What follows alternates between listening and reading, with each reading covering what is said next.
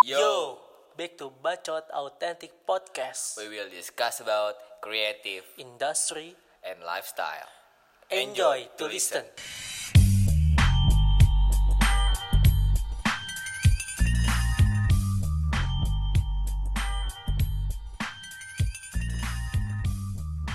Halo, balik lagi bersama gua Irfan di sini untuk kalian semua. Nah, sama gua nih ada siapa nih partner gua? Rehan, Yoi. Oke, aka Rehan. Kita mau bahas apa nih? Kita bahas apa ya enak ya? Kita bahas karya lah. Karya ya. Karya. Karena kan hidup ini harus visioner gitu kan, Visioner. visioner. Mudah-mudahan ini kita bisa saling bertukar pikiran. Eh, enggak sih maksudnya mungkin pendapat ya, argumen, mungkin ada apa. Enggak lupa juga nih teman kita nih di samping nih. Ada teman kita. Gimana suaranya? Mana suaranya? Oke, ada 100 ribu. Oke, di belakang kita. Ih, rame banget gila di sini. Banget ya. Tuh, itu tuh, mas mas jangan ini dong mas jangan berantem di situ. Ya ini kalau kalian tahu ini sempit-sempitan di sini. Ngomong. Ini di WC apa gimana sih? Iya. Gimana gimana? Eh, apa yang bakal kita bahas pada podcast kali ini? Pembahasan awalnya apa nih? bahas ya. Em, Papua. Wih deh. Wih, deh, wih, berat, deh, wih, deh. berat. Oke, Berat. jangan ya. KKN. KKN. Wih, serem. Itu brengsek. Kayak yang mana? KKN apa yang yang ada sekarang ini kan lagi booming kan? Iya. Nanti lah kita bahas kalau kita bikin eh, pro- kalau kita jadi produser film ya kita bikin filmnya aja langsung. Iya, Iya kan? itu dia. Iya. Iya. Mantap itu goks banget. Apalagi nih ada Em, enggak sih kita nggak bahas yang berat-berat ya. Kita Iya. bahas yang ringan-ringan aja. Aja. Em, by the way gue baru baca eh, sesuatu ya Mhm, terkait sama anak muda zaman sekarang nih. Hmm. Katanya eh, udah ada generasi baru kan, Mhm. generasi setelah eh, apa bi Ah, kemarin yang kita ngobrol itu mana? ada generasi eh, V itu. Oh setelah milenial. Iya setelah milenial sebutannya sih sebenarnya bukan milenial ya. Kalau yang em, sekarang itu kayak lebih dibikin ilmiah gitu loh. Oh iya iya. iya. Ada ininya apa ordo-ordo nanti spesies. Lebih ke biologi. oh iya, iya gue tau gue tau. Dia ngomong eh, atau yang gue baca itu tentang generasi alpha, Beta. Beta, Oke. nah, Gamma. theta, terakhir V V. Oh, V. V lu tau kan V dua dua dua dua per tujuh. Oh, Iya, oke. yang empat empat belas. Ya, ya? P, P, P. P. dua dua per tujuh. Yang gitu kan? Iya, Yang haha. namanya. Nah itu V dua per tujuh. Smart Nah, juga ya gue. itu smart itu juga ini gue. itu generasi yang bakalan jadi penerus. Oh, bukan XYZ ya? Bukan, Z mentok. Nah, Mentok Z ya? Mentok, ya. Oke. Gue lebih suka V, apa karena dua dua per tujuh. Iya, Kayak lingkaran, gak ada putusnya. Oh, yang gini kan yang Iya, Iya, yang iya, tidak kan? terhingga Iya, gitu ah, kan? Iya, terhingga. Oh, bukan tidak terhingga. Yang V V. V, Iya, bentuknya V. Yang V. Oh, V gini. Ah lu paham deh pokoknya. Iya, pokoknya itulah Oke, ya. oke, oke. V dua dua per tujuh. Rumus di rumus di lingkaran. Mm-mm. Nah, Nah, generasi itu tuh mau di mau di mau di uh, bangun. Hmm, Kata siapa itu? Itu salah satu yang gue tahu ya. Salah satunya platform yang terkenal, cukup terkenal, ruang guru. Mm-mm. Nah, dia ngasih statement gitu. dia mau mau uh, proyek mau buka proyek itu gitu. Jadi proyeknya dia sekarang membangun generasi 22 per 7 atau generasi V itu. Oke. Sebenarnya 22 per 7 sebutan gue aja sih biar ingat aja sih itu. nah, gue balas gue gue, bahas lagi, gue balik lagi ke sebelumnya ada generasi alpha, beta, theta sama V ya. Nah, kalau generasi alpha yang contohnya siapa ya? Eh, Kartini. Mm-mm. Kartini Mm-mm. terus si Soekarno itu generasi eh, alpha. Dia Oke. yang ngebangun yang apa ya? Merintis. Pionir, pionir, ah, Pionir. yang bebasin kita dari penjajahan lah, Oke. ibaratnya gitu. Hmm. Nah, generasi alpha, generasi eh, beta Hmm. itu yang yang ini yang mulai ke eranya eh Iwan Fals, Oke. terus Roma Irama, Oke. terus siapa ya? Eh God Bless itu siapa sih God Bless Bless.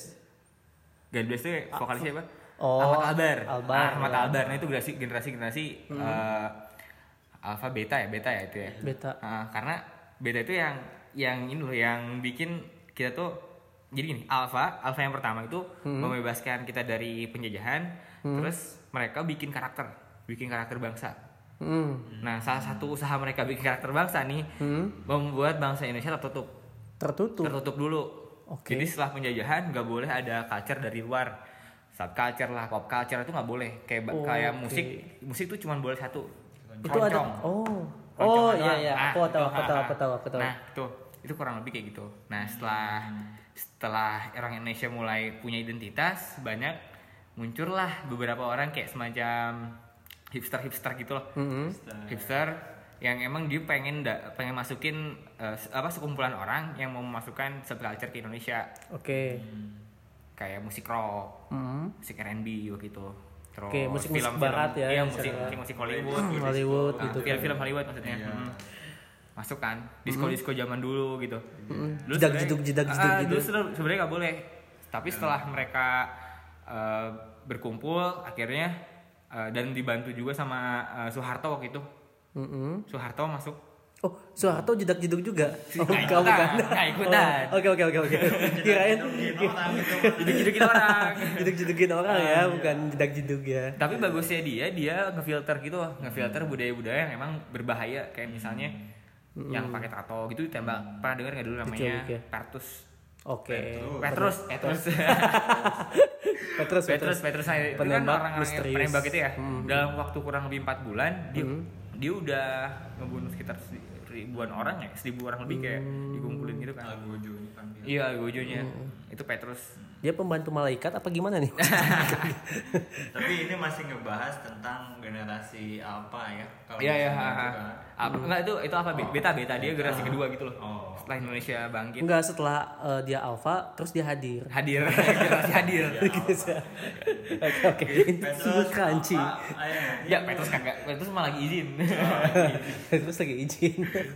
Beta ya. Iya. Iya, Betul iya, betul. iya. Lanjut lanjut. Lanjut ya. Lanjut lanjut. ngomongin ngomongin yang yang alpha beta theta ya sekarang Hmm. theta nah theta itu setelah orde baru selesai Revolusi. Iya setelah revolusi atau kita bisa bilang itu era globalisasi sih era globalisasi Heeh. Waktu presiden apa tuh? ya waktu zaman zaman. Habibie udah masuk sih Oh, waktu itu Habibie. waktu itu udah Si mulai Habibie. Ya? iya tahun 2000-an tahun 2000-an setelah oke. baru Lanjut. walaupun gue baru setahun umurnya waktu itu asik Oh, masih muda ya? Udah deh, jangan bahas bahas umur deh. Gua agak agak ngeri ini. Nah, Oke oke. ya. Nah setelah itu baru di eh, kayak di era globalisasi orang-orang mulai muncul dari luar dan banyak orang Indonesia yang belajar ke luar negeri, terutama zaman era Habibie, era Habibie itu di Jerman. Iya karena mereka punya hubungan baik, terus culture-nya juga ya walaupun Nazi cuman udah nggak ada gitu, loh, udah udah mulai redup. Toleransi lah. Nah, nah dari situ itu eh, kalau tokoh-tokohnya banyak lah ya tokoh-tokoh zaman sekarang ya youtuber-youtuber Oh, ya sekarang ini siap. gitu itu itu Iya. eranya eranya eh, Teta itu. Teta ya. era Teta. Gue tuh kebalik sih apa? Ya? ketiga ha? Gue tuh kebalik Teta apa eh, Beta yang terakhir. Pokoknya itu. Terus nah banyak eh, yang kayak nah di, di gue ngomongin Alpha di di Alpha di Teta itu ya di yang terakhir ya di di era sekarang ini Nah, mereka itu banyak yang tadinya dia tuh jadi gini, dulu tuh di zaman alfa nih ya, di zamannya tertutup banget Indonesia. Kalau ditanya sama guru, profesi kamu apa? Cuman guru, Dokter, PNS, Kak. atau buruh. Oh gitu. Ya, cuma tiga itu aja kayak motor ya gitu. Terus kayak paling banyak tuh orang ngikutin orang tuanya. Kayak misalnya orang tuanya buruh ya buruh, kayak misalnya Oke. petani petani gitu. Ya, Buruh, turunan petani, ya. ha, Lihat turunan. figur. Belum ada kayak orang tua kamu freelance. Enggak. itu zaman Konten- kayaknya anak-anak kita ya, anak-anak kita ntar ya. Pengen, pengen jadi konten kreator bu. Orang tua kamu apa ya freelance? Wih, kayak ntar zaman zamannya kita lah ya, Freedom anak-anak of kita. speech. speech. Nggak ada, nggak ada. Freelance atau free free banget sih sebenarnya, lebih ke ya. pengangguran. Eh, dulu Itu bahasa kerennya. nah kayak gitu. Terus eh apa banyak yang kayak pindah dari tadi ya Alfa ya eh, bekerja sebagai eh, Pekerjaan tadi. pekerjaan tadi profesinya itu itu, itu aja pindah ke profesinya sebagai nulis Hmm. kayak eh, penyanyi kayak gitulah penyair Kawan ya. ya udah mulai masuk nih karya-karya Ya, ekspresinya lebih banyak di ini. ya mungkin lebih ke berekspresi lah mereka kan Mhm. Setelah itu bablas lah sekarang ekspresinya. Hmm. bablas bablasan TikTok ya kan? Oke, yang dua jari itu ya. Maaf itu dua jari maksudnya apa itu? nah kayak gitu kan. Jadi dari situ baru eh, muncul industri kreatif. Industri kreatif yang sekarang kalau nggak salah sih baru menyumbang 6% lah dari PDB Hmm. dan itu katanya bakal naik terus industri kreatif itu. karena gini eh, passion itu baru ketemu di Indonesia tuh baru masuk sekitar eh, ya waktu zamannya Teta itu. Dulu mana ada eh, ja- ngejar passion gitu nggak ada dulu. Betul. jadi baru-baru ini aja. Karena dulu kreatifnya tuh kan eh, sesuai dengan kebijakan pemerintah. Kalau misalnya lu nggak sesuai dengan pemerintah gitu, dan ini opini lu sendiri dengan kreatif sendiri, oh nggak bisa nih. nggak bisa nggak boleh. termasuk petani juga. Petani itu nggak boleh nanam bibit sembarangan jadi dia tuh harus izin ke pemerintah bibitnya diambil dari pemerintah Ada sampelnya ada gitu. sampelnya semua harus jelas gitu Ya. emang sebenarnya membangun sih cuman karena banyak kepentingan politik banyak Hmm. kepentingan pribadi Iya, akhirnya masyarakat sadar Hmm. nggak nggak boleh pakai organik alami gitu kayak misalkan kita nanam padi terus pupuk-pupuknya bikin dari madu Hmm. pakai Gak boleh ini sendiri Nggak ngeracik boleh, sendiri nggak ya. boleh. Custom sendiri. nggak boleh nge-custom gitu Nggak boleh. nggak boleh Jadi Hmm. Itu di gitu. zaman apa tuh? itu di, Di daerah apa waktu, daerah? bahkan waktu zaman Soeharto pun itu masih Sampai sekarang. Sa- sekarang udah, Udah nggak, nggak, sekarang udah udah, nggak boleh boleh pakai bibit sendiri cuman nggak boleh pakai bibit ganja nggak boleh Mm-mm. Eh, Oke, legalisasi ganja. Hidup. maaf, maaf, maaf. aduh Oke, kacau oke. Oke. Lanjut. dari situ nah terus sekarang mulai muncul eh mulai muncul mulu kayak baru baru Kayak ada fenomena ya, gitu. berkembang berkembang industri kreatif Mm-mm. Eh, menyumbang 6% PDB dan akan terus berkembang ngomong eh, berhubungan dengan passionnya industri kreatif itu industri yang paling memungkinkan kita untuk mengejar hasrat Hasrat. Iya, jadi industri kreatif itu industri yang paling passionate banget gitu buat orang-orang yang lu hipster ya udah lu, lu, di- lu di industri kreatif udah pasti gitu. Karena di industri biasa kita harus be- banyak birokrasi lah, banyak ribet lah. ribetnya gitu loh. Betul, betul. Iya, betul. Nah, masuklah industri masuklah eh, ekonomi 4.0 itu. Hmm, Iya. ya. Ekonomi 4.0. Kreatifnya di situ. Nah, itu yang membangun eh, yang menopang jadi infrastrukturnya. Oke. Nah, jaringan, internet, semua segala macam di situ. Hmm. Nah, oke. sekarang banyak ya banyak apa namanya banyak juga yang kayak eh termasuk nih di lingkungan eh, kita mungkin ya yang mereka mau masuk ke industri kreatif cuman mereka nggak bisa idealis. Nggak bisa idealis. Ah. Itu kayak gimana tuh? Nah, ini Jadi, ngerasa nggak sih kayak misalkan Menarik, banyak menarik. banyak orang-orang yang idealis tapi Hmm. ketika mereka ngomongin uang ya. udah nggak ada idealisnya Oke. berubah langsung da- langsung kayak oh realitanya gini ya kayak rasa ya udah kita realistis gitu nggak ada ideolo- ideologi nggak ada idealis ideal idealis- Ketika idealis. sudah bersentuhan dengan uang namanya uang. keuangan, iya padahal menurut gue sih enggak sih Mm-mm. ada juga yang ngomong ah ya gue dengar dari bukunya eh, Robert eh, Einstein bukan? bukan maaf maaf gua biasa tahu. eh Ray Kwe- Ray Roy Kiyoshi. Buset, bahasa bahasa Roy Kiyoshi. Gimana gimana gimana? Jadi judul bukunya itu um, Dead Poor sama Rich Poor. Oh, oke. Iya. I know kayaknya Nah itu. itu eh, dia tuh kayak ah sorry Dead Dead Poor sama Dead Rich.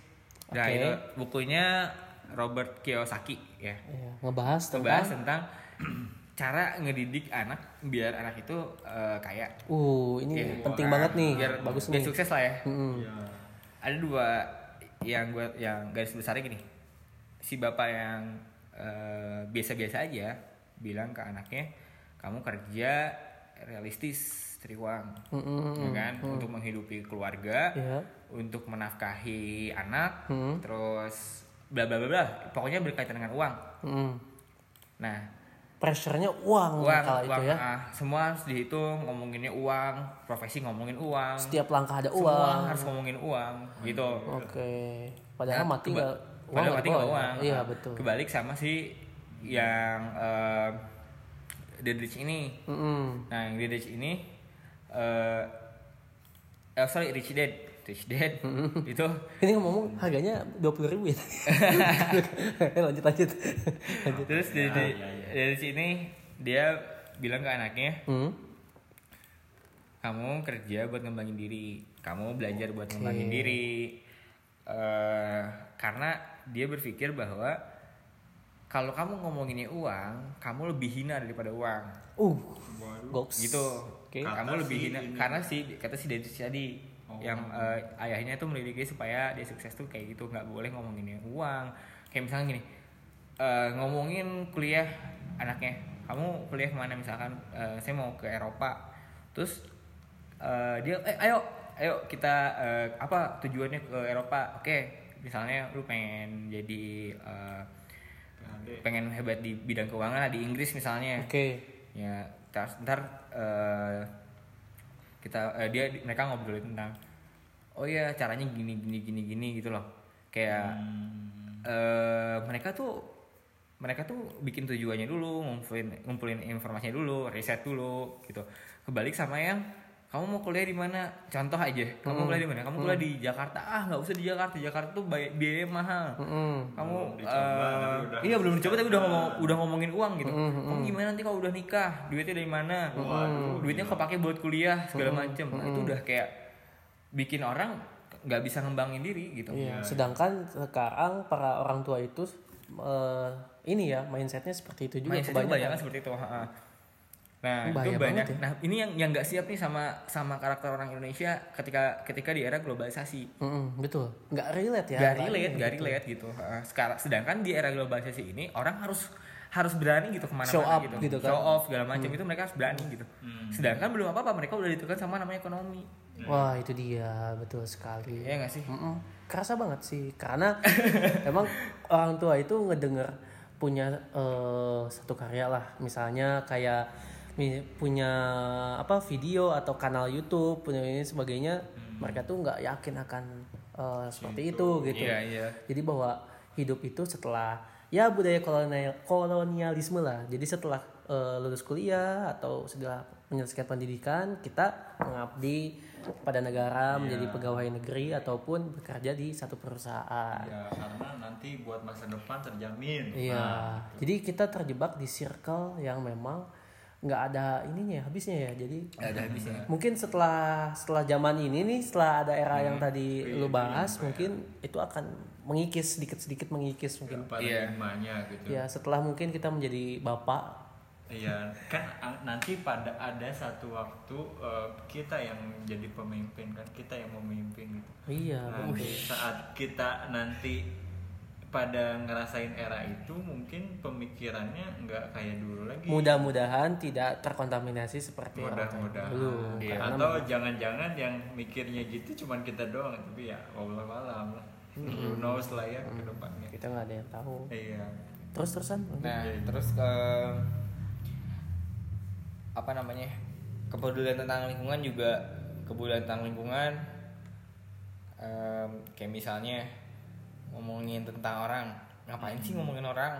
Udah ngomongin kita dulu aja gitu. Karir kita dulu aja eh, duit kita dulu aja gitu tuh malah bikin kayak ibaratnya tuh obat nyamuk yang yang dibakar gitu. Kayak lama-lama bakal habis habis tuh udah nggak ada asapnya lagi gitu. betul sekali Kayak tepat. gitu ibaratnya. Mhm. Uh, nah em, itu belum ngomongin tentang cara eh, belum ngomongin tentang buka usaha segala macam itu udah pasti mentok gitu nggak bakalan nggak bakalan kepikiran sampai ke sana kalau misalnya kalau misalnya kayak gitu gitu. Apalagi ngomongin tentang eh, filantropi. Oh ya ada ada satu ada satu statement yang ini ini yang eh, bener-bener kayak gue nyambung nyambungin antara generasi P. Mhm. P itu dengan filantropi filantropi itu kayak sekarang nih ya. ngasih-ngasih itu ya. Ah yang suka ngasih-ngasih di donasi-donasi kayak misalnya em, Bill Gates ya. Bill Gates udah nggak jadi CEO lagi kan di atau di Windows atau di Iya.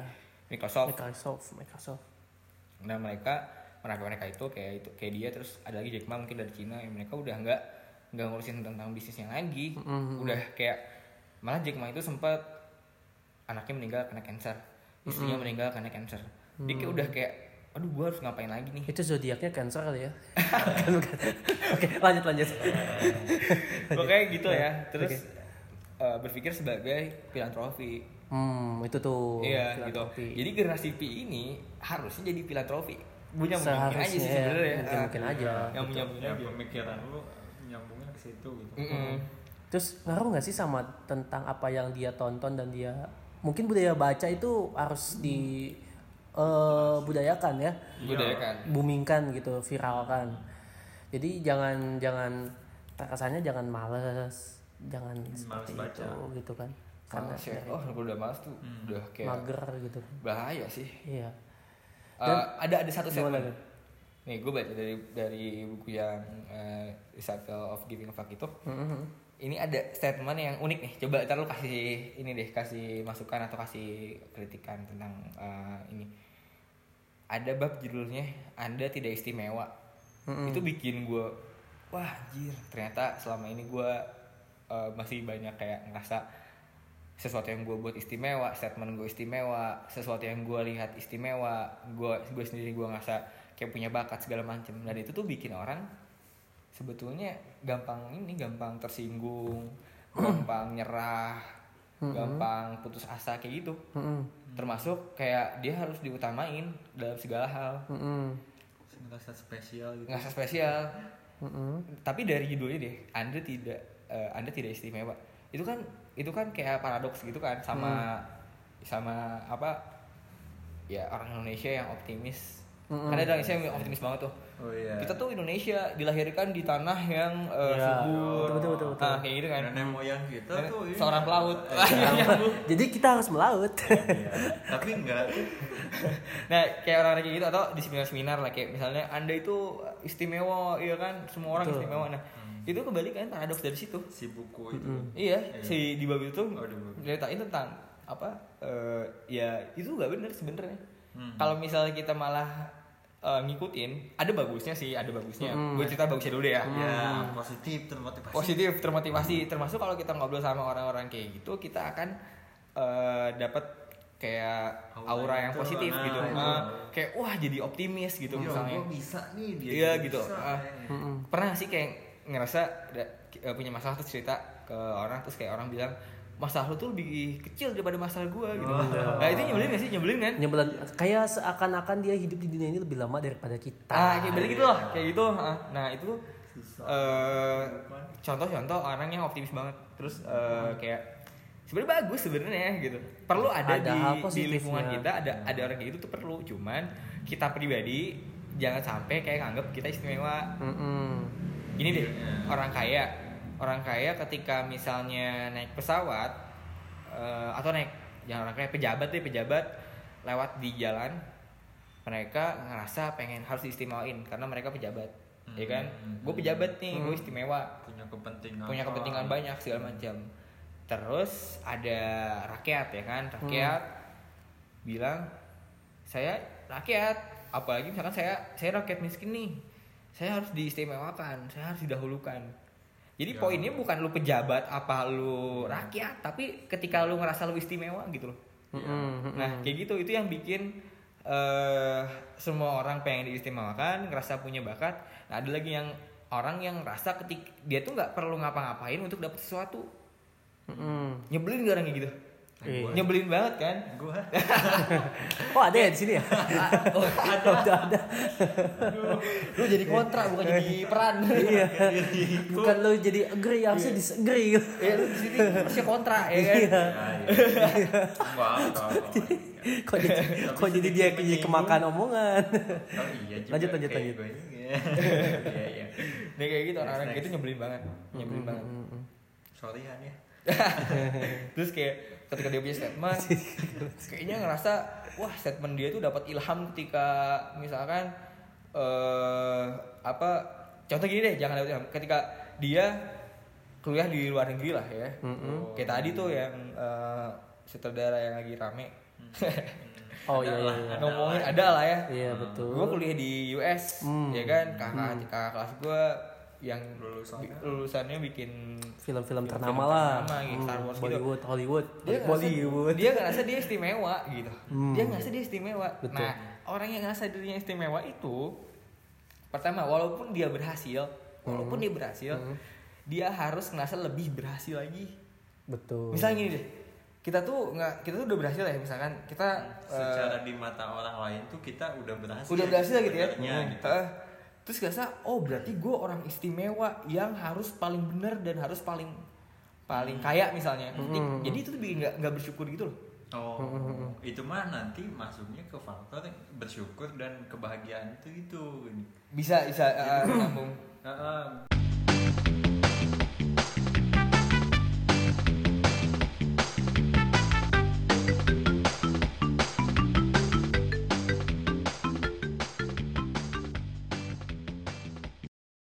Bahagianya gua tuh kalau misalnya eh, gua udah dapet achievement ini gitu iya iya itu ah, Ngerasa- achievement itu ah. karena dispesialkan kan gue spesial nih masa gue sama lu sama gitu Iya, iya. Gua Ada kastanya ya. iya otomatis kalau lu punya cewek gini berarti gue harus lebih, lebih dari si- dari itu. dia gitu nah, nah bisa. kayak gitu misalnya ah. Iya benar-benar soalnya kadang kan kita tuh seperti hidup tuh kayak udah ada patternnya gitu loh. Ya, Jadi polanya gitu. polanya tuh ah ketika seperti ini oh pasti kayak gini nih. Iya. Soalnya dia juga kayak gini. Nah kita tuh harus open minded juga sebenarnya bahwa di buku yang tadi yang eh, Rehan baca bahwa sebenarnya hidup tuh ketika kita menuju kota misalnya ya ke Jakarta tuh jalurnya lewat sini nih. Padahal ternyata ada yang sebelah sini juga nih agak jalur alternatif Ada atau pakai tol atau Nah, kayak gimana. tapi tujuannya sama. Tujuannya sama bahwa pada tujuan akhirnya tuh ke situ-situ juga. Iya. dan dan kita harus open minded jadi satu eh, apa ya jadi nggak harus seperti itu gitu. Nah kebanyakan orang kan kayaknya kayak gitu gitu. Sepertinya ketika dia kuliah di US kakak tingkatnya lulusannya tuh membuat Iya. film Star Wars dan sebagainya seakan-akan gua ini sudah lu kan bukan berarti lu seperti dia gitu. Ketika lu kuliah di universitas yang lulusannya Bung Karno lu kan bukan Bung Karno gitu Iya, kan. iya, iya. lu ya lu gitu kan. Nah itu. Jadi jangan terlalu overconfident sih ya. Kita jadi kita ngeliat. balance lah hidup tuh Iya. jangan. nah ya setidaknya lu tahu diri lah. Nah tahu itu. Tahu diri cuman nggak boleh pesimis sih. Itu betul. Iya, pesimis. ya iya. ya itu mentalnya harus kita bangun. Ideologinya harus kita bangun. Dia Ah, apa? eh, ada juga nih coba bayangin satu orang lagi yang Ya, dia dia Iya, iya, iya, iya. itu baru gue bayangin maksudnya oh iya, iya. bayangin satu orang lagi. Ya gue bayangin dia dia bukan ngerasa dia bukan siapa siapa Hah. ya kan Hmm. terus dia dapat achievement Oh. kayak misalkan duh gue gue dapat nilai bagus ya misalnya contoh. dia itu mas akan akan ngerasa lebih bersyukur hmm. akan ngerasa lebih bersyukur gitu ketika dia bilang oh gue bukan siapa siapa ini hasil kerja dari teman-teman kita misalkan teman-teman gue juga misalnya atau dari Betul. orang tua lah Hmm. jadi mereka dia tuh nggak ada waktu gitu loh buat ngerasa dia Spesial. apa gitu nggak ada gitu. Nggak ya. bagusnya gitu sih orang-orang yang kayak gitu tuh jarang tapi sih kayaknya jarang nah ini masuk ke poin berkarya juga Hmm, hmm, hmm, hmm. ketika kita mau berkarya nih ya yang sukses-sukses kayak misalnya um, uh, Tiger Woods ya Hmm. terus Yang Messi, main Ronaldo, golf ya heeh. Mereka tuh orang-orang yang di emang dididik buat main golf karena mereka ngerasa mereka tidak istimewa gitu betul bukan karena mereka istimewa mereka main golf Iya. enggak bukan kalau jadi dia mereka menyadari bahwa oh gue punya bakat nih di golf Nah, Ya, enggak, enggak kayak gitu kan? enggak. Ah, ah. Bukan, coba kan? coba kalau misalnya mereka mi- mikirnya langsung kayak gitu. Mereka bakal latihan enggak? Dia enggak bakalan nggak gitu. bakal Iya, udah Mereka- kan, udah gua bakatin gua bisa lah Iya, kayak gitu, heeh. Hmm. Langsung udah istimewa. Mungkin sampai sekarang pun orang-orang yang seperti itu nggak pernah ngerasa mereka udah sukses sih. Dan itu bikin bikin kita bikin mereka low, low profile, diri. Bersyukur gitu. Betul. Nah, kayak gitu sih. sebenarnya hidup ini kan udah ada landasannya ya udah ada garis merahnya. Nah gitu. lu harus cari tahu tuh garis merah hidup lo tuh di mana. Nah si garis merah ini sudah ada tempatnya. Tempatnya itu itu apa tuh? Pasti ada sih. Bukan bukan bukan dari pemahaman lu sendiri. Karena yang garis merah itu sudah ada tertera di eh, sebelum apa ya istilahnya keagamaan mungkinnya religion ya keagama masuk ke situ masuk ke situ segala sesuatunya pasti bergaris merah pada Hmm. keagamaan. Nah gitu sahabat Hasanah Ya. jadi alhamdulillah. Curhat dong. ya Pat, eh karya yang optimal itu seperti apa sih? ya? Biar bisa iya, iya. karya yang optimal, Kalau ngomongin karya yang optimal, eh, bisa melahirkan karya yang optimal. sebenarnya kayak lebih ke gini sih. Kita tuh, ya gue ya, gue, Hmm. eh, gue bukan orang yang bisa buat karya ya, tapi Hmm. menurut gue ini bukan bukan orang Indonesia ngerasa diistimewain juga bukan, Hmm. tapi menurut gue culture-nya orang Indonesia itu kayak lebih mendahulukan orang, terus kayak lebih peduli pada orang gitu. Hmm, Jadi kayak Hmm, pada Eh, dasarnya iya pada dasarnya menurut gue orang Indonesia tuh peduli sama orang. Oh, itu iya. ciri khas orang Indonesia deh pokoknya. Iya, iya, iya. Iya gak sih? Kayak betul kita sih bayangin. emang. Ah, ah. Karena itu Indonesia tuh terkenal dengan hal seperti itu ya. Nah karena kalau gue takutnya nih Indonesia tuh eh, maju dan sombong dan sombong ketika Hmm. mereka ngerasa udah maju, mereka udah ngerasa independen Hmm, hmm, hmm. secara ekonomi, orang-orangnya jadi independen gitu, ngerasa ya apatis lah. tapi Hmm. itu kelihatan kayak misalnya eh, ibu kota dan desa lah gitu misalnya. Iya, ha, nah kayak itu gitu. udah mulai Udah kontras ya? kelihatan Ah, udah kayak ngerasa diistimewain gitu loh. iya ibu terus kota. kayak orang Indonesia sekarang ya eh, mostly sesama orang Indonesianya malah dicuekin tapi kalau misalnya ada orang luar negeri aja datang Iya. ke sini, kayak oh lu dari ini misalnya dari Amerika sama gue disuguhin segala macam tapi tetangganya yang kesusahan Didiemin. didiemin. Iya, Nah, betul. itu mulai Itu juga paradoks kelihatan tuh gitu Hmm. maksudnya. Di di kita tuh udah mulai agak kelihatan gitu. Paradoks banget ya berarti. Hmm. Ah, Nah, itu yang yang sebenarnya ketika apa bahkan eh yang ngeri itu belum belum aja Indonesia belum. Tapi udah ngerasa kayak dia istimewa gitu udah udah bahaya banget. I- itu itu kayak salah satu faktor gak sih Indonesia kenapa eh, belum meletek apanya? eh, ininya kesuksesannya mungkin. Ya. jadi mungkin masih tetap berkembang aja nggak Iya. maju-maju gitu Tetapi kan eh, culture dan kebudayaan Indonesia itu beragam ya. Mungkin ada salah satu daerah yang tidak seperti itu juga, kayak misalnya Medan atau Batak gitu kan yang ngomongnya keras gitu. Heeh. masih ada masih ada tuh masih kegiatan. gitu Iya. Eh, bagus sih eh, terus gue gue tidak menyinggung orang-orang yang punya ideologi kebebasan ya Mhm. kayak "Ah, udahlah anjir itu budaya budaya Indonesia gue kan bukan orang Indonesia Walau- atau misalkan gue kan cuma lahir numpang di Indonesia gue kan cuma lahir kebetulan aja Numpang jadi warga gitu. negara ya gue nggak perlu pakai budaya Indonesia Betul. nah ya gue bukannya mau menyinggung mereka mereka itu sih Mhm. Em, tapi ini sekedar kekhawatiran aja kekhawatiran gue Resah ya, resah, keresahan. Iya, eh ya agak sedikit nggak nyaman aja sih Hmm. eh, dengar dengan dengan mereka gitu. Betul. Tapi suatu karya itu lahir atas ini ya, apa? Gesekan. Oh, Triggernya gesekan. ya. Oh iya ya, ini Trigger nyambung, ya. nyambung nih ya. Gue Ah. gua eh, balik lagi ke gesekan. Heeh. Yang alpha, beta, theta itu punya momen. Semua punya momen ketika Momentum Ah, itunya, momentum. oke. Jadi gini, Hmm. Soekarno bikin membuat Indonesia merdeka, tapi dia ingin membuat sebuah karakter.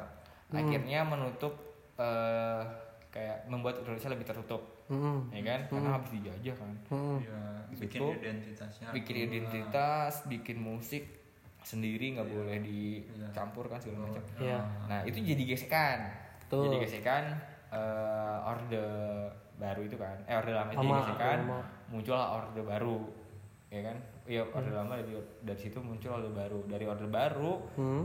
Dibuka semuanya asing mulai banyak yang masuk, Hmm. gesekan lagi. Gesekan lagi. Nah, tapi udah mulai muncul tokoh-tokoh kan. Eh, gesekan lagi muncul terus da, mulai apa mulai mulai eh, mahasiswa gitu kan. Iya. Oke, tapi semuanya sama pemuda sih kebanyakan di di cetusnya. Cetusnya gesekan pemuda itu ya? tuh dibuat sama pemuda, diselesaikan sama pemuda lagi. Waduh. Terus eh, dari gesekan orde baru muncullah ya sekarang eh, setelah orde baru gitu. Jadi emang munculnya karena konflik sih. konflik ya. Karena konflik. Jadi ya banyak lah banyak hal yang bakalan bakalan jadi hikmah dari sebuah konflik. Ibaratnya gitulah. Dan banyak tokoh-tokoh baru nantinya. Tokoh-tokoh oh Tokoh-tokoh lahir baru, tokoh-tokoh baru lahir dari sebuah konflik. Wis, Gitu tapi- sih. Kayak ini ya badai pasti berlalu teranglah ah, datanglah pelangi. Wede. ya gitu sih. Terus eh, tadi tentang kepedulian juga kalau ngomongin berkarya karena kepedulian itu gue respect banget sih karena kepedulian ya. Karena identiknya orang Indonesia dengan kepedulian terus eh, dengan kepedulian itu jadi karya. Contoh misalkan menyelesaikan masalah kemacetan. Hmm, sekarang udah bisa betul. menyelesaikan masalah kemacetan menurut gue ya. Menurut gue terus jadi ini kan jadi sesuatu yang punya value Iya, karena itu kan eh, menyangkut orang banyak juga kan. Hmm. Kita nggak jadi individualis, tapi kalau gue bikin ini karya ini, dah toh ini untuk orang banyak gitu loh. Mm-mm, Nah kayak kan gitu. sekarang tuh, ya ya gitu gitu. Terus eh, mungkin nanti eh eh, ada lagi nih mungkin si si ini eh, yang gue tahu ya Hmm. Raisa sama suaminya. Ya kenapa tuh Yang mana tuh? Yang sekarang. Oh, emang ada Raisa yang punya Iya. punya suami berapa sih Siapa namanya? Hah? Eh, itu Daud Daud Iya. Bang Bang Hamis ya. Iya. Bang Hamis. Mang Mamang Daud Bang ya. Dia eh, ngelihat Indonesia itu eh dari dari masalah kecil dari masalah besar lah mungkin ya. Mm-mm. Cuman dari sebagian sebagian kecil dari semua berbagai masalah. Mm-mm. ke ini kebersihan kebersihan ya kan? Di pantai.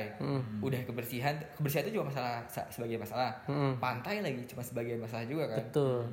Cuma sebagian dari yang kotor. Nah, pantai itu dibersihin sama dia, terus dijadiin eh, apa namanya eh, masalah yang campaign atau apa jadi campaign itu mungkin cuma sekedar caranya dia. oke Tapi dia ingin menyelesaikan masalah itu dan gue gue yakin tuh kaya kaya banget tuh orang kalau misalkan emang bisa menyelesaikan masalah sama itu. sampah di pantai, Pantai. kayak gitu. Pada- Pada dasarnya sih kalau kita lihat dari sisi lain untuk masalah kebersihan kan itu sebenarnya basic ya. Hmm. Cuman karena ini maksudnya itu menyangkut bacot autentik basic itu oh bukan ya Eh, ya, lanjut lanjut lanjut Eh, ya maksudnya kan kayak eh, kebersihan adalah sebagian dari iman. Kita dari kecil kan udah Asik. diajarin kayak gitu. ini, Terus ini adem banget nih di sini buang sampah tuh pada tempatnya. Oh. Cuman kan secara kenyataannya nggak dilakukan secara maksimal atau Iya.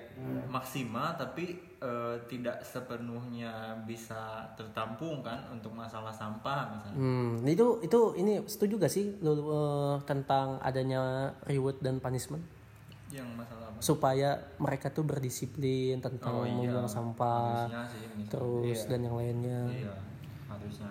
Cuman ya itu itu jadi eh, ini apa eh, problem solving kan. Mm-mm. Hmm. Tapi kalau ada orang yang emang dia ngelihat ini sebagai masalah, terus dia menyelesaikan dengan cara yang kreatif, gila kaya tuh orang, kaya banget, Betul betul betul. kaya banget. Nggak usah kerja deh lu, cuma ngurusin sampah doang di pantai lu kaya banget. Hmm.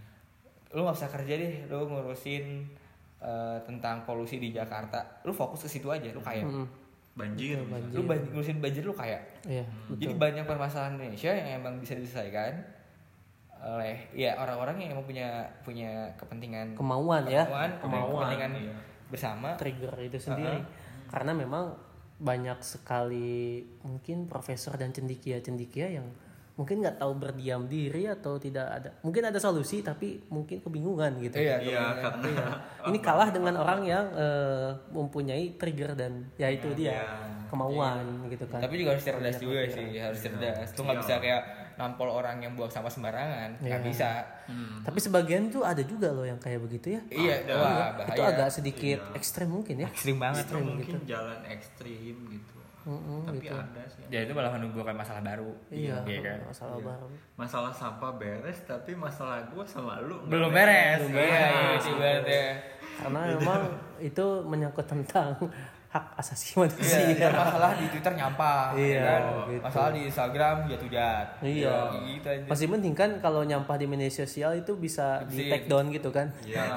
bisa di banned sama banned. sama yang ininya. Instagramnya. Ini kan kalau nyampah di Jalan. Hidup. jalan ya masa kita harus banned orang Iya. Masa, Ya. harus ada penembak misterius lagi sih. Masa ada ya kan nggak lucu. Ini juga Soeharto menurut gua kurang ini aja sih kurang dia bijak cuma nggak nggak cerdas aja ketika Iya. dia ngurusin orang-orang kriminal dengan cara pakai penembak gitu bahkan banyak yang bilang salah, salah sasaran Mm-mm. nembak orang yang bertato sedangkan yang jahat itu koruptor kayak gitulah Iya. lu nggak bisa nembak koruptor kayak gitu gitu Padahal sendirinya juga dia oknum juga sih sebenarnya. mungkin ya gua nggak tahu juga ya Iya betul betul. nah gitu sih Eh, jadi harus cerdas juga cerdas lu tahu masalahnya apa lu cerdas nah itu lu seba- jadiin sebagai karya lu lu kaya deh Iya. yakin Karya itu berarti di sini kan kita ngebahas bukan berarti satu hal yang impactnya besar juga. Kadang kita bisa memulainya dengan impact yang sangat Iya. kecil di lingkungan sekitar kita, di keluarga kita. iya Itu akan menjadi satu apa ya karya yang sangat berkualitas, berbobot lah. nggak kayak aduh ngomongin karya misalnya gue bukannya gimana gimana ya cuman eh kalau lu ngomongin karya selalu ngomonginnya musik selalu ngomongin Iya, yang jangan, ya, tulisan. Ya itu karena ada patternnya itu loh karya tuh. iya, selalu karya. disangkut pautkan dengan itu iya ya. gitu. Maksud gue aduh lu mau berkarya lu kreatif lu banyak banyak banget masalah-masalah yang eh, belum diberesin gitu. Betul. PR-nya masih banyak iya banget. gitu loh. Maksudnya kalau lu, lu bikin video terus oh itu. jadi sampah gitu loh di YouTube gitu kreator. kalau lu ya konservator bukan lu ya Maksud gue mohon maaf. Ini, ini kebetulan nih sekarang nih teman kita juga lagi bikin video tentang Friday Project ya project tentang kemanusiaan. Ya. itu gue selamat banget sih gue gue ngiring karena gue nggak bisa partisipasi.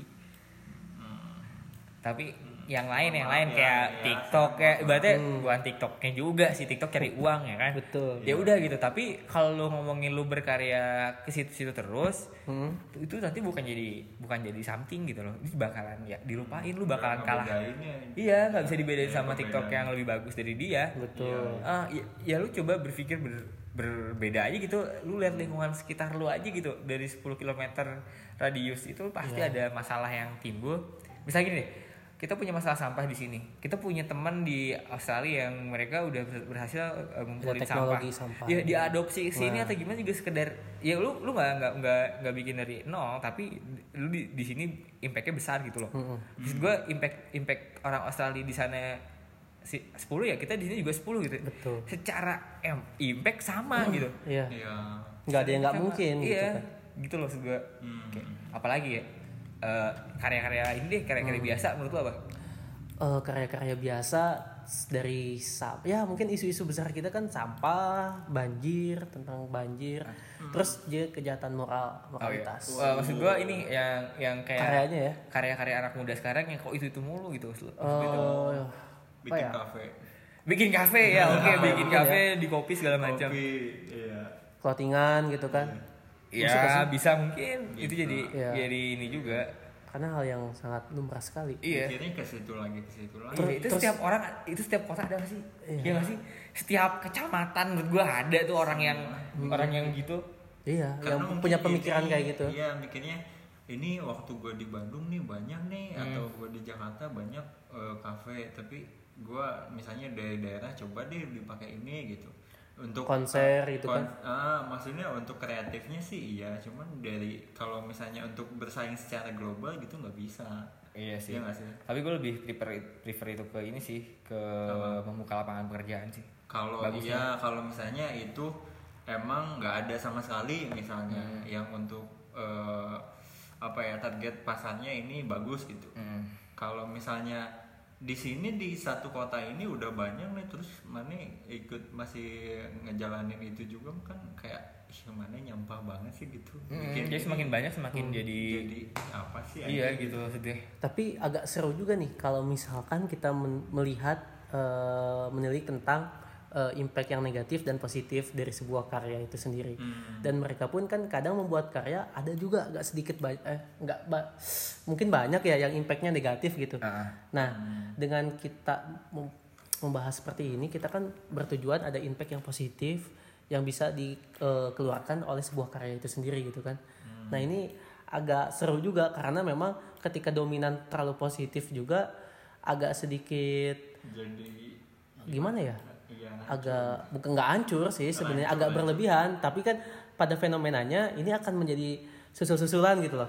Agak Ya. sedikit gesekan eh, i- i- positif dan negatif gitu. ada lah gitu. Heeh, gitu. Jadi agak sedikit seru juga. Terus juga kadang ada orang yang bilang out apa tuh? Out the box think out the box ah ya itu sedangkan lu nggak tahu lu nggak mengenal yang di dalam box itu tuh apa gitu kan. Lu pengen tahu aja istilahnya berpikiran di luar daripada kotak itu sendiri tapi lu sendiri nggak mengenal di dalam kotak itu ada apa gitu. Masih banyak yang masih lu belum explore di situ. Iya, iya, betul. belum belum belum lu jadiin sebuah karya. Menurut gua eh keniat sih balik lagi ke niat ya. Gue juga tidak bisa ngomong yang kayak youtuber sebagai lah. Lu nyampah di YouTube nggak juga sih Enggak juga sih. Ya, ada juga banyak yang bagus, banyak banget.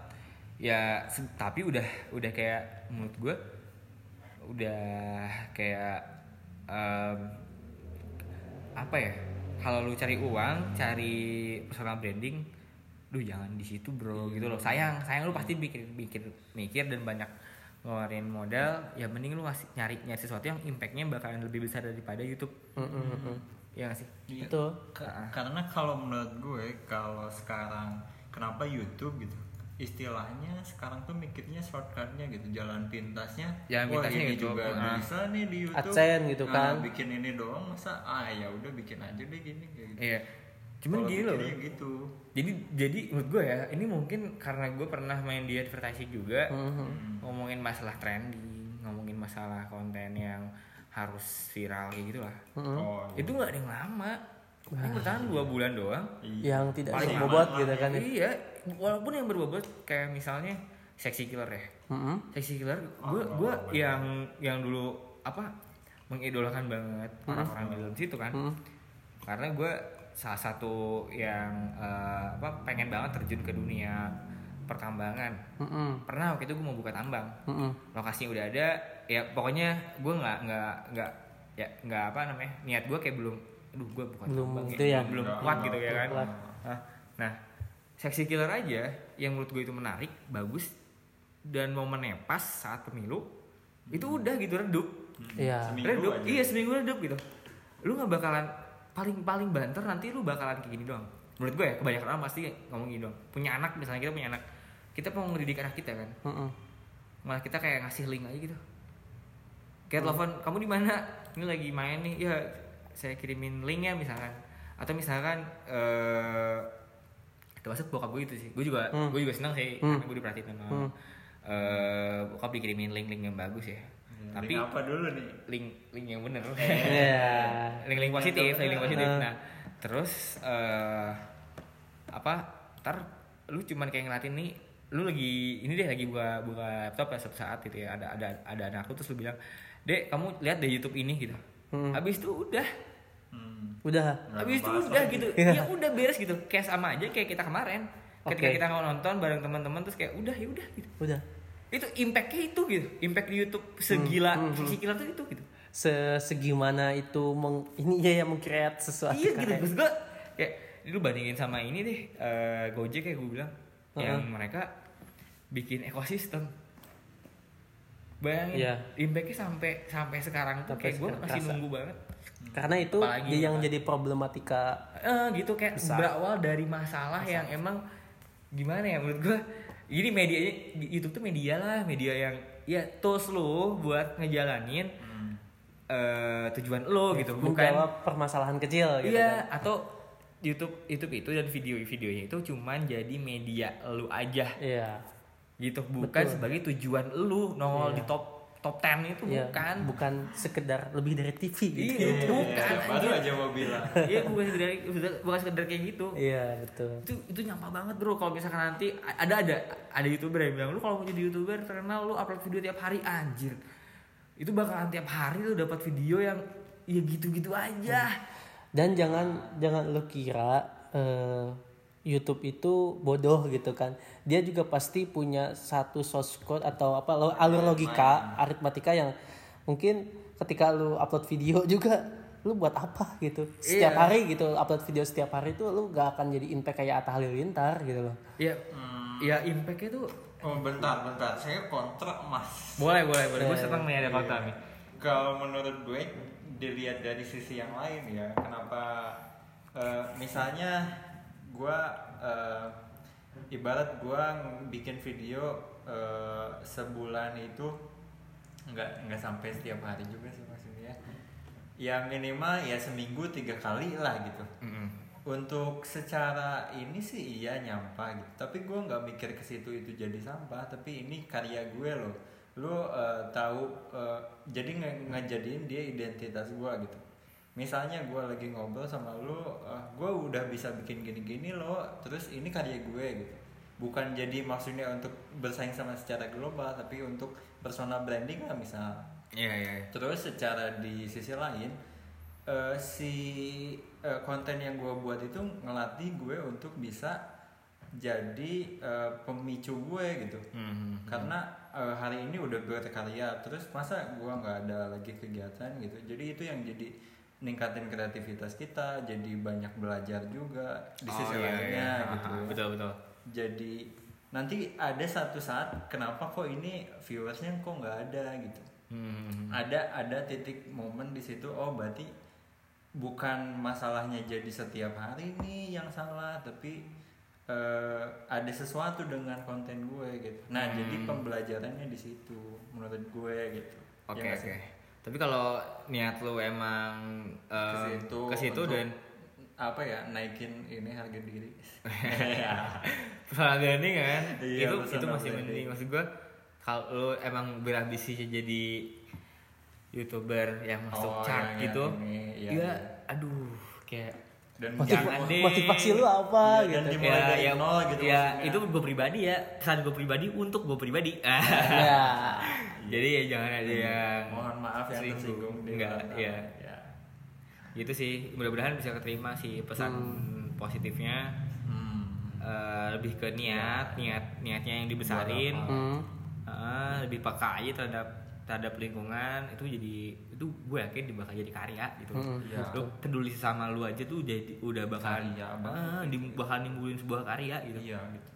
Karyanya yang kita ngebahas tentang karya yang optimal gitu ini. Iya, loh. karya yang optimal optimal. yang bagus yang itu tuh apa? Nah kayak begini gitu. Kita berbagi sharing bahwa eh, mindsetnya tuh kayak begini loh untuk membuat sebuah karya yang bisa dilirik eh, bagus. Oleh orang lain. Udah deh jadi kesimpulannya karya itu menurut kalian apa sih? Kesimpulannya eh, bebek bertelur ayam berkokok ya ikan berenang. Betul. dan kesimpulan satu lagi ah gimana, gimana? yang ada itu telur dulu apa ayam dulu. Itu pertanyaan. Iya. itu pertanyaan. Ya, itu bukan kesimpulan. Kesimpulan dari enggak maksudnya karya itu apa gitu. oh iya iya. Kan? Karya itu telur sih. Kalau saya karya itu nama toko bangunan di sebelah. Karya abadi. Wah. Iya. tapi lu kan juga karya sih sebenarnya. Karya dari ibu dan bapak lu. iya jangan dilihat dari yang lain lu sendiri itu sebuah Nah, itu karya sebuah Iya. karya. karya yang Iya. dianugerahkan oleh sang maha pencipta Ayo, ya kan. Kita eh, syukuri aja yang sekarang ada, yang kita udah bisa eh, bernafas, oksigen itu kan dari Tuhan itu. Nggak bayar gitu kan. Iya kan gratis, kita harus banyak bersyukur. iya pesan saya itu moral pesan moral pesan apa nih pesan moral. moral Iya. lu apa eh, pesan moralnya iya jangan buang sampah sembarangan. Terus apa- udah sih itu aja. Gua gua gua. Apa apa tuh apa tuh? Cari istri yang kayak Raisa. Ya kayak habis Daud. Goks goks goks. Iya. goks banget. Oke ya. Gue Ya. Rehan gue pamit. Gue Irfan gue pamit. Dan teman kita? Weh. Ya, oke. Wih, udah ya. see you in the next podcast Iya. Eh, Oh iya, jangan lupa dengerin Sound of Sambat ya. Ya betul sekali Spotify itu promo sekali. Jadi untuk teman-teman semua ambil sisi positifnya apa pun yang sudah kita apa eh, share kepada kalian semua.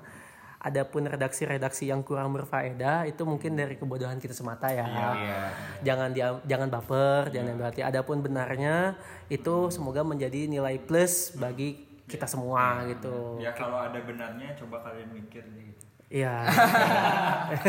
itu juga. Iya, iya. Gue, gue. Eh, dari gue ya terakhir. Iya, iya. Eh, kita tidak tahu apa-apa kecuali sedikit itu aja. Sama-sama Ya, sedikit. Ya udah gitu. Siap. Oke, Iya. terima kasih bagi teman-teman semua yang udah mau merelakan sedikit waktunya mendengarkan bacotan kita semua di podcast kali ini. See you in the next podcast. Dan bye-bye. Bye-bye. Bye.